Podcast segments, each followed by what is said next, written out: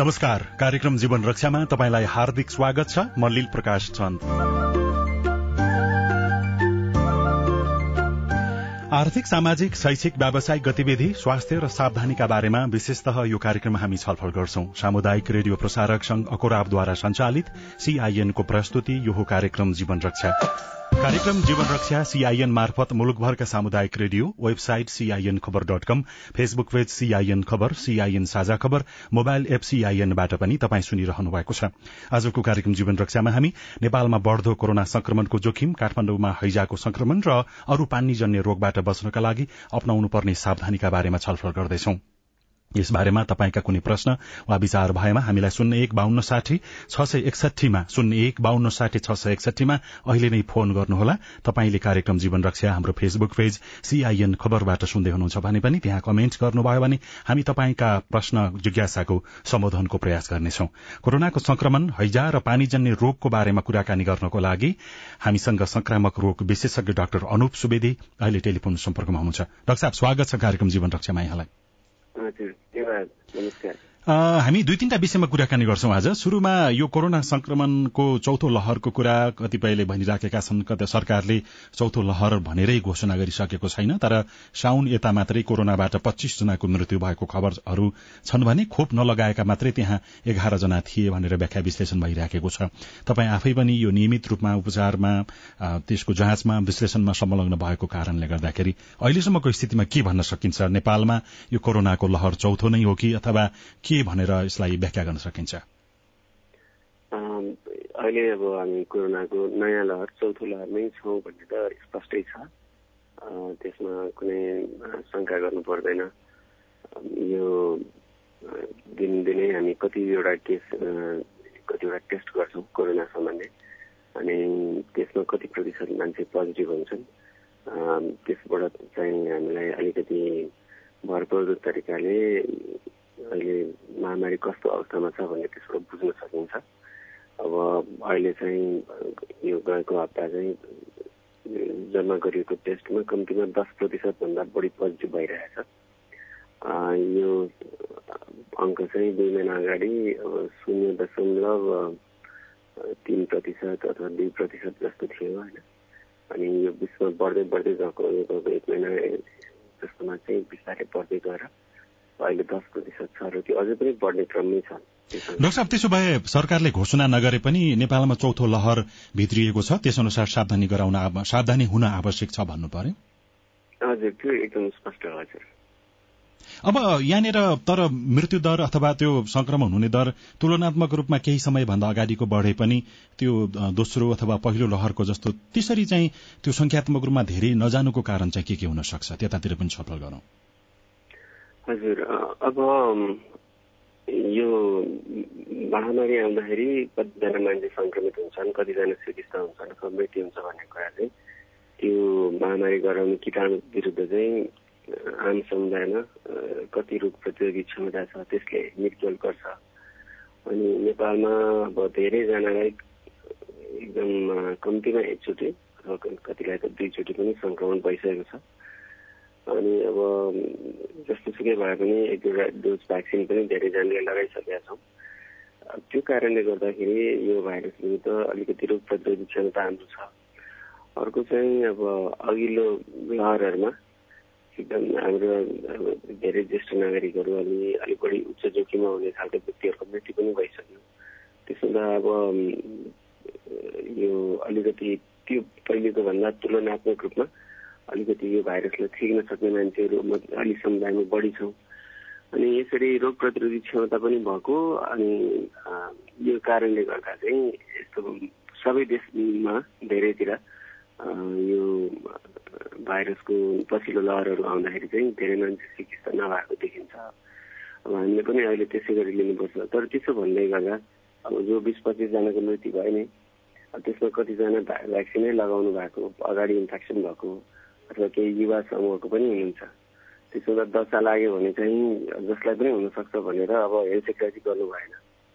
Doctor हामीलाई केही प्रश्नहरू प्राप्त छन्। सामाजिक सञ्जालमा हामीले हिजो नै लेखेका थियौं कि हामी यो विषयमा छलफल गर्दैछौ। तपाईँको कुनै प्रश्न अथवा केही छ भने राख्नुहोला भनेका थियौं।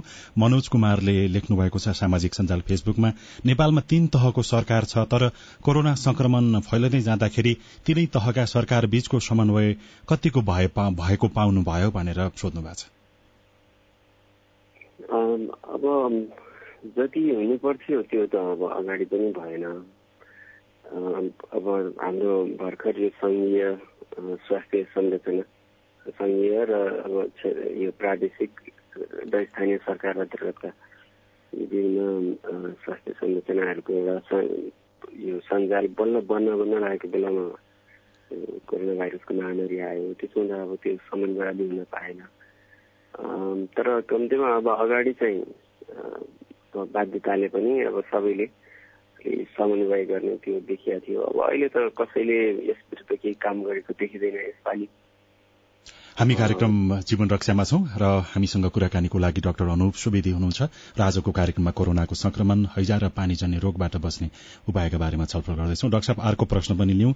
राजकुमार खतिवड़ाले लेख्नुहुन्छ कोरोना भ्याक्सिन लगाएकाहरूमा पनि पुनः कोरोना संक्रमण देखिनुले भ्याक्सिनको प्रभावकारितालाई नै कतिको विश्वसनीय ठान्न सकिन्छ होला डाक्टर साहब भनेर सोध्नु भएको छ।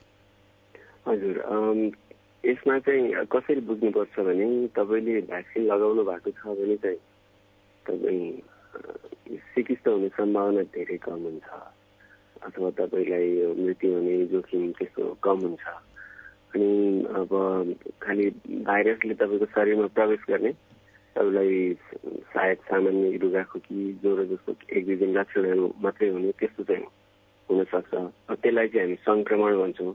त्यसो त भ्याक्सिन लगाउँदा सङ्क्रमण चाहिँ भ्याक्सिन लगाउनेलाई पनि भएको देखिया छ। तर भ्याक्सिन लगाउनेलाई मृत्यु अथवा चिकित्सा हुने सम्भावना चाहिँ धेरै कम देखिएको छ। त्यसो हुँदा भ्याक्सिन प्रभावकारी नै छ। जसको अगाडि यो डोनाल्ड ट्रम्प र जो बाइडेन दुईजना राष्ट्रपतिहरूको बारेमा दुवैलाई सङ्क्रमण भयो होइन। अब डोनाल्ड ट्रम्पलाई सङ्क्रमण हुँदाखेरि उनी धेरै चिकित्सा थिए बाइडेन खास धेरै चिकित्सा भएन। त्यसमा पनि भ्याक्सिनको रोल छ भ्याक्सिन र बुस्टरहरूको होइन? हुन त दुवैलाई सङ्क्रमण भयो तर को कति चिकित्सा भयो भन्ने कुरा है? यस्ता कुराहरू चाहिँ संसारभर देखिया छ। भ्याक्सिन चाहिँ प्रभावकारी छ त्यो हामीले त्यसै त्यो गलत बुझ्नु हुँदैन। मनोज बिके विकल्पजीले लेख्नु भएको छ नमस्कारमा बाँसगढी तीन बर्दियादेखि हो। मलाई हाछ्यौ आउन लागेको लगभग एक दुई महिना हुन थालिसक्यो।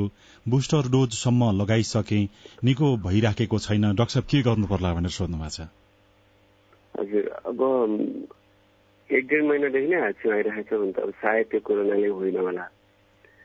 अब तपाईँलाई अगाडि हाछ्यौ आएको थियो अनि बिचमा एक दुई महिना भनौँ न केही हप्ता अलि राम्रो भएको थियो र अहिले फेरि हाछ्यौ बढाएको अब जिउसिउ दुख्ने त्यस्तो बढाएको छ भने चाहिँ कोरोना हो कि भनेर जाँच्नुपर्छ अब होइन भने चाहिँ डेढ महिनादेखि अब सायद यसरी आँची आउँदैन अब आँची आउने त अरू कारणहरू हुनसक्छ एलर्जीहरू हुनसक्छ अब त्यो चाहिँ डाक्टरसँग परामर्श गरेर अनि उहाँले उपचार गर्ने सल्लाह दिनुहुन्छ डाक्टर साहब अर्को प्रश्न छ लक्ष्मण बडुवाल लेख्नुहुन्छ नेपाल सरकारले कोरोना विरूद्ध जुन प्रकारको सावधानी नआएको भन्ने बारेमा तिनै तहका सरकारबीच समन्वय नभएको भन्ने बारेमा त भन्नुभयो।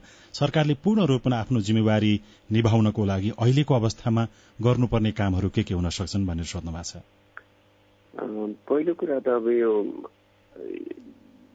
यसबारे चाहिँ अलि सबैलाई सचेत गराउने नै मुख्य कुरा हो किनभने अझ मान्छेहरूले अब यो भिडभाड जस्ता कुराहरू अनि मास्क लगाउने कुराहरू नै हेल्थ गरिराख्नु भएको छ। अब कम्तीमा मान्छेहरूलाई चाहिँ यो बढ्दैछ मास्क लगाउनुपर्छ शरीरमा भिडभाड कम गरौँ। अरू हिसाबले आफूले चाहिँ अब आफ्नो दैनिक गतिविधि सञ्चालन गर्नुपर्ने त्यो गर्दै जाँदा पनि यस्ता कुराहरूमा सचेत हौँ भन्न नै हामीले छुटाएका छौँ। अब तपाईँले सरकारका मान्छेहरूले गरिरहेको कार्यक्रम हेर्नुभयो समाचारमा लागि बसेका त्यस्ता कुराहरू धेरै देखिन्छ। अब पहिलो कुरो त्यसभन्दा चेतना बढाउने। अर्को चाहिँ अब महामारी कुन कुन ठाउँमा कति छ भनेर थाहा पाउने मान्छेहरूलाई जानकारी दिने। अब जस्तो काठमाडौँका मात्रै आँकडाहरू हामीले बढी पाउँछौँ। बाहिर खासै परीक्षण नै हुँदैन। धेरै ठाउँमा मान्छेहरूले चाहिँ मलाई हामीलाई रुगाखोकी मात्रै चाहिँ कोरोना छैन भन्नुहुन्छ। जबकि त्यो रुगाखोकी नै कोरोना थियो हो। होइन? अनि अब त्यस्तो कुरा चाहिँ कम्तीमा परीक्षण भए मान्छेहरूले जानकारी पाए अलिकति सचेत हुन्थे। अनि अर्को चाहिँ अब खोप सबैतिर समान तरिकाले पुगेको छैन। अब विशेष गरी काठमाडौँ वरिपरि अनि केही ठुला क्षेत्र यो सहरहरूमा मात्रै अलि राम्रा खोपहरू अलि धेरै मान्छेले लगाएको छन्। बरु कति मान्छेले दुई तिनचोटि लगाएको छ। त्यसलाई पनि देशभरि धेरैजनाले लगाएको भनेर व्याख्या गरिएको छ। तर थुप्रो क्षेत्रमा मान्छेहरूले एक डोज मात्रै खोप लगाउनु भएको छ अथवा कति एक डोज पनि लगाउनु भएको छैन। अनि अर्को प्रभावकारी खोप चाहिँ एक वर्षभन्दा पहिले मात्रै लगाएको त्यस्तो छ। अब त्यस्तो ठाउँमा चाहिँ कम्तीमा खोप पुऱ्याइने त्यस्तो कुराहरू सरकारले गर्न सक्छ। डाक्टर साहब जस्तो यस अगाडि त दैनिक पाँच लाखसम्म पनि खोप लगाइएको तथ्याङ्कहरू सार्वजनिक हुन्थ्यो तर अहिले सुनिँदैछ कि कोरोना विरुद्धको खोप केही कारणले सरकारले समयमा नलगाएको कारणले गर्दाखेरि त्यो खेर गइराखेको छ भनेर पनि।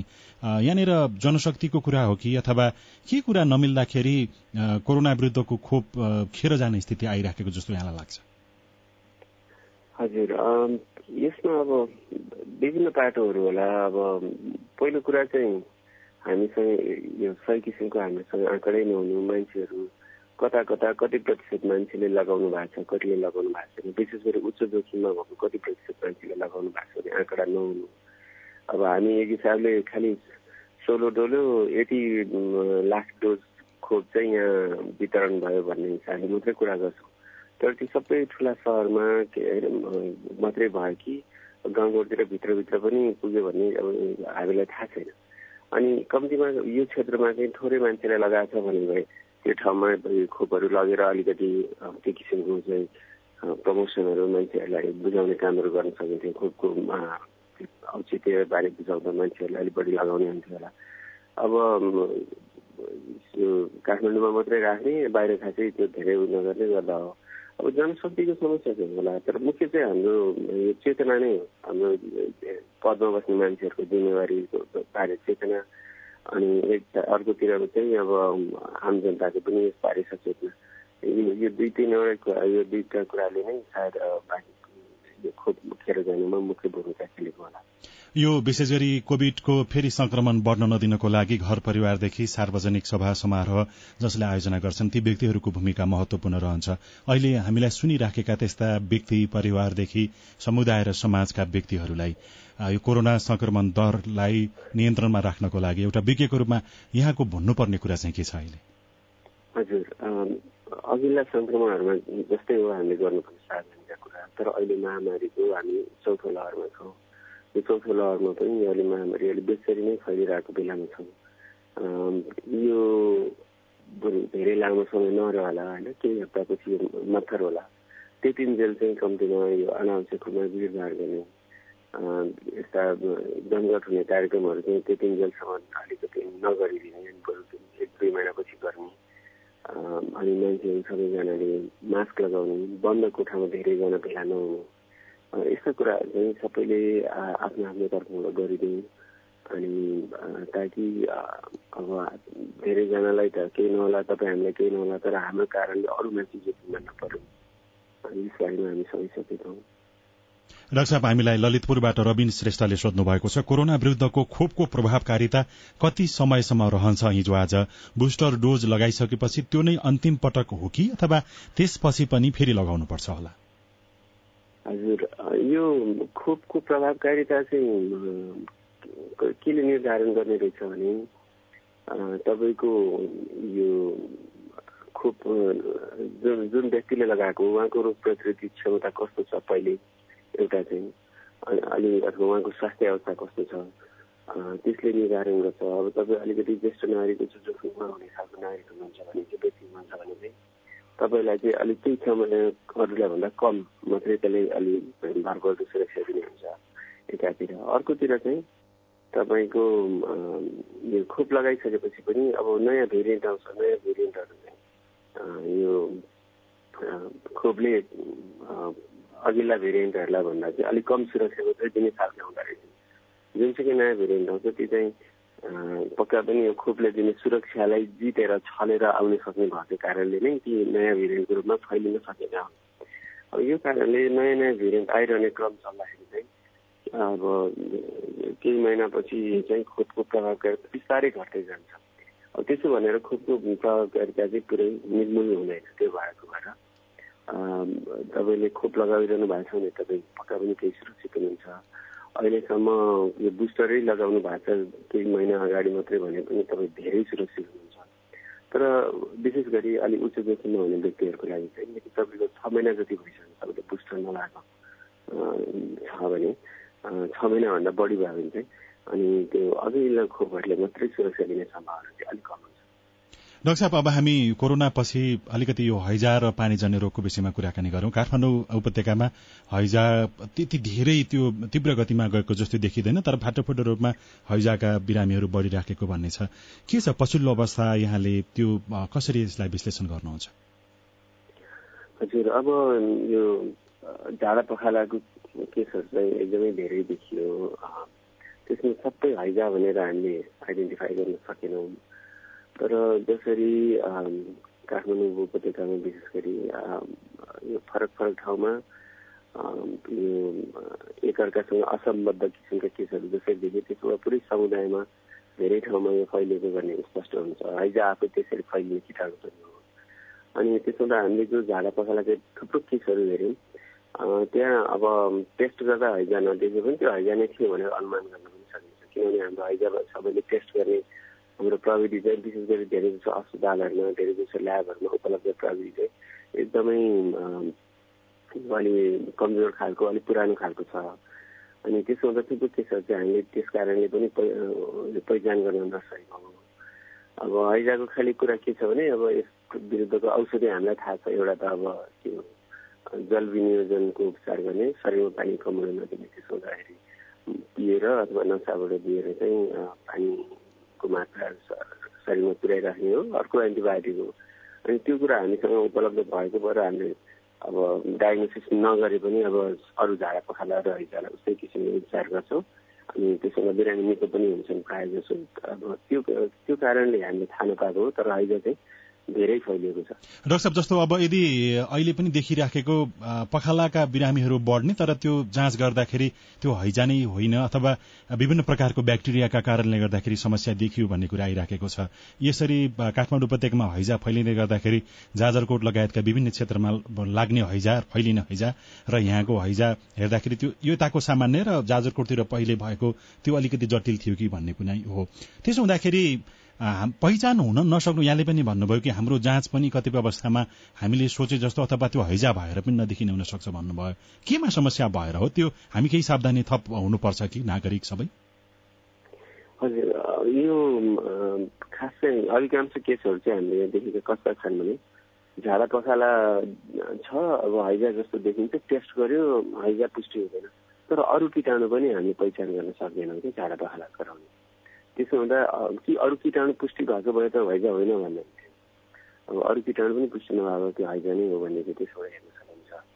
अब जाजरकोटमा र यहाँ भएको केसहरू पहिला जाजरकोटतिर भएका त्यस्ता केस पनि अब यो अहिले कमजोर भन्नु चाहिँ मिल्दैन। यहाँ धेरै चिकित्सक बिरामीहरू हुनुहुन्थ्यो तर उहाँहरू त अब अस्पतालमा मैले देखेको केसहरू त म अस्पतालमा उपचार गरिरहेको छु।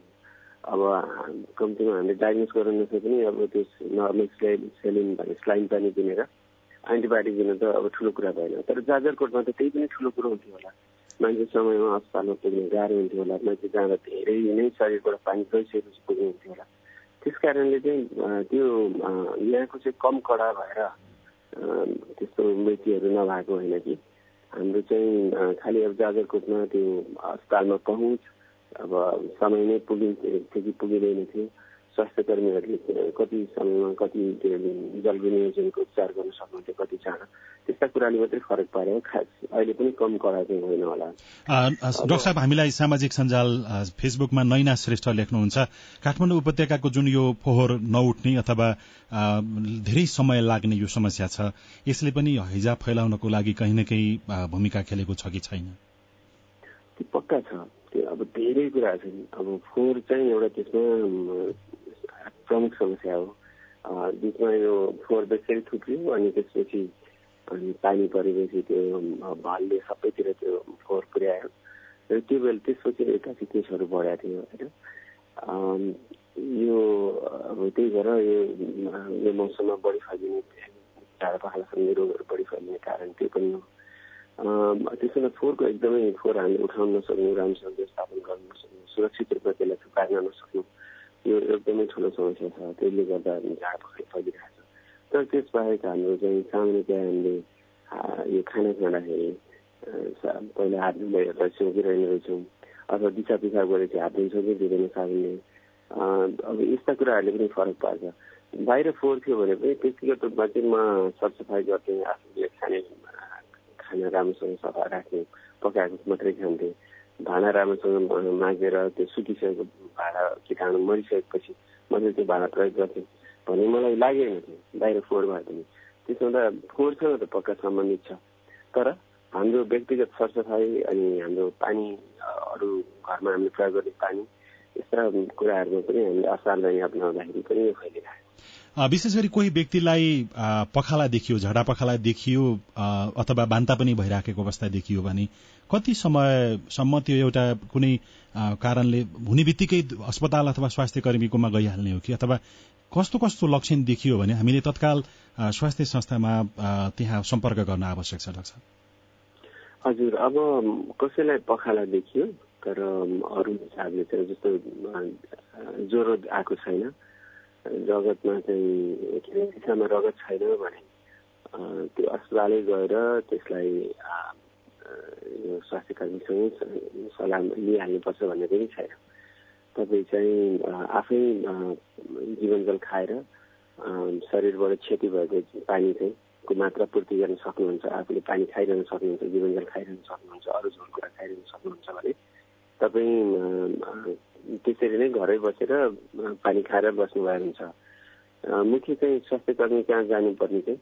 यदि तपाईँलाई अब एकदमै कमजोरी भयो तपाईँलाई एउटा लाग्ने त्यस्तो हुन थाल्यो पानी त्यसको अर्थ चाहिँ तपाईँ पखालाबाट जति पानी क्षति भइरहेको छ त्यसको मात्रा चाहिँ तपाईँले पूर्ति गर्न सक्नु भएन शरीरमा पानी घट्दै गयो भने होइन एउटा अर्को तपाईँलाई ज्वरो आइरहेछ।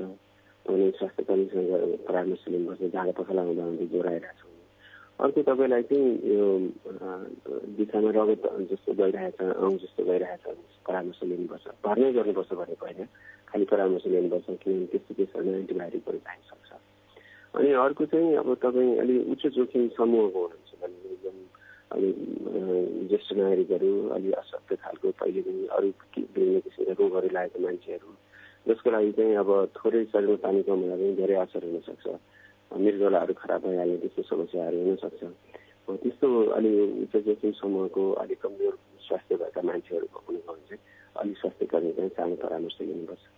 विशेष गरी अहिले अनि कति मान्छे चाहिँ बान्ता गर्नुहुन्छ कि? अब पखाला मात्रै भएन बान्ता पनि धेरै भयो। बान्ता गरेको मान्छे त अब पानी खाए पनि त्यो अडि फेरि बान्ता भइहाल्छ त्यो शरीरभित्र त्यो पूर्ति हुन सक्दैन।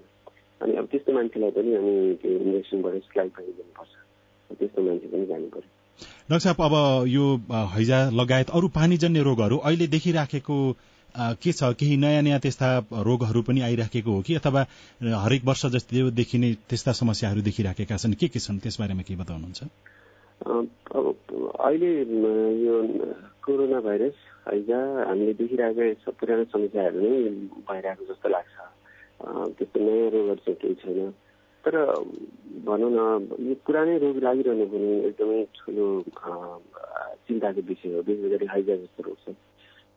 आजभन्दा डेढ दुई सय वर्ष अगाडिदेखि नै युरोपतिर जहाँ बेसरी एकदमै ठुल्ठुला हैजाका महामारीहरू भएको बेला।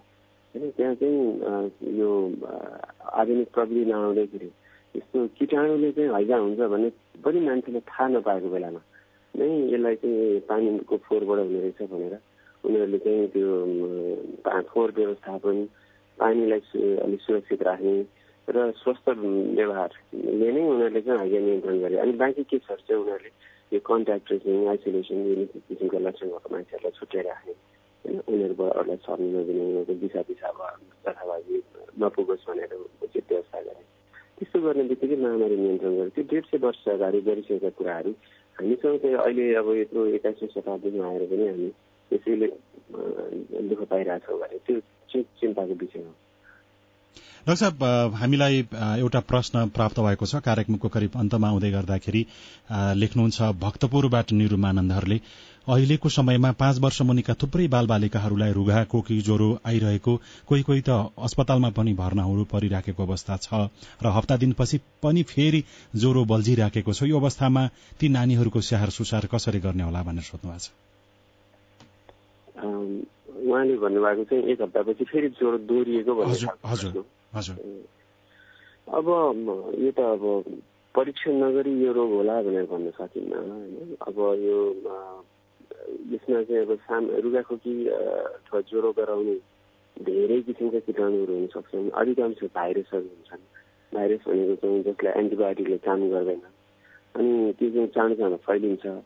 अनि त्यसमध्ये अब अहिले कोरोना भाइरस पनि फैलिरहेको भएर कोरोना भाइरसै हुनसक्छ। अब कति बाल अब यो कोरोना भाइरस पनि यो ज्वरो आइरह्यो भने कतिलाई एक दुई हप्तासम्मै ज्वरो आउँछ होइन? अधिकांशलाई चाहिँ दुई तिन दिनमा ठिक हुन्छ होला। तर कतिलाई चाहिँ फेरि एक दुई हप्तासम्म पनि ज्वरो आइरहन सक्छ त्यसमा अब एउटा चाहिँ विभिन्न थरी भाइरसहरू अब पहिला अरू सामान्य रुगाखोकी लगाउने विभिन्न किसिमका भाइरसहरू परम्परागत रूपमा देखिने यो एडनो भाइरस भने अरू श्वास प्रश्वास प्रणाली सङ्क्रमण हुने अरू भाइरसहरू बाहेक अनि कोरोना भाइरस पनि हुनसक्छ भनेपछि यो चाहिँ अब स्वास्थ्य कर्मीसँग परामर्श लिने नै हो। अनि यदि बच्चालाई चाहिँ यो अलिक जटिल सङ्क्रमणका लक्षणहरू छन् अब उसको चाहिँ श्वास प्रश्वास छिटो छिटो भइरहेको छ अथवा उसको अक्सिजन कम छ अथवा बच्चाले चाहिँ अलिक खान छोडेछ उसको खाने रुचि कम भएको छ अथवा धेरै थाकेको जस्तो निदाइरहेको जस्तो देखिन्छ अथवा धेरै च्याख्लिने त्यस्तो देखिन्छ भनेको के भने चाहिँ अलिक जटिल भएको हुनसक्छ। अब त्यस्तो चाहिँ अनि अब स्वास्थ्य कर्मीले त्यहाँतिर अब एन्टिबायोटिक दिनुपर्छ कि अब कोरोना भाइरस नै पुष्टि भयो भने कोरोना भाइरसको लागि स्टिरोइड भन्ने औषधिहरू हुन्छ त्यो दिनुपर्छ कि? त्यो चाहिँ अब स्वास्थ्य कर्मीहरूले भन्न सक्नुहुन्छ। अब उनीहरूलाई चाहिँ मुख्य कुरा चाहिँ लक्षण भएपछि गएर जचाउनु पऱ्यो। रुगाखोकी नै लागेको सामान्य छ ज्वरो सोरो पनि एक दिनमा ठिक भयो तर खोकी लागिरहेछ भने पनि कोरोना भाइरस हुनसक्छ। त्यो पनि जाँचिरहनुपर्छ त्यो चाहिँ थाहा पाउनुपर्छ। कम्तीमा त्यो थाहा पाएपछि के हुन्छ भने अब दोस्रो हप्तातिर चाहिँ कोही मान्छे जटिल हुनसक्छ। त्यो चिकित्सा हुने कोरोना भाइरस चाहिँ दोस्रो हप्तामा हुन्छ। अनि दोस्रो हप्तामा जटिल हुन्छ कि भनेर पहिले थाहा पायो भने चाहिँ हामी सचेत हुन्छौँ अनि त्यस अनुसारको सही उपचारहरूलाई तुरुन्तै दिन सक्छौँ। त्यो कारणले चाहिँ थाहा चाहिँ पाइराख्नुपर्छ त्यही भएर स्वास्थ्य कर्मी कहाँ जाने रुगाखोकी भए पनि कोरोनाको जाँच गर्ने गर्नुपर्छ। समय दिनुभयो। धेरै धन्यवाद छ डाक्टर यहाँलाई। हजुर मलाई पनि मौकाको लागि धन्यवाद संक्रामक रोग विशेषज्ञ डाक्टर अनुप सुवेदी हुनुहुन्थ्यो। उहाँसँग गरिएको कुराकानी सँगसँगै कार्यक्रमको समय सकिएको छ। आजको कार्यक्रममा कोरोनाको संक्रमण हैजा र पानीजन्य रोगबाट बच्ने उपायका बारेमा हामीले छलफल गर्यौं। र आजको कार्यक्रम सुनिसकेपछि तपाईँको मनमा उठेका प्रश्न र कुनै विचार भए हामीलाई पठाउन वा लेख्न सक्नुहुन्छ। शून्य एक बान्न साठी छ सय एकसठीमा फोन गर्न सक्नुहुन्छ। शून्य एक बान्न साठी छ सय छयालिसमा फोन गरेर दिइएको निर्देशन अनुसार आफ्नो विचार रेकर्ड गर्नुहोला। साझा खबर एट जीमेल डट कममा पनि तपाईँ लेख्न सक्नुहुन्छ। प्राविधिक साथी सुनिल राज भारतलाई धन्यवाद दिँदै रेडियो कार्यक्रम जीवन रक्षाको आजको अंकबाट हामी सबै विदा हुन्छौ। नमस्कार।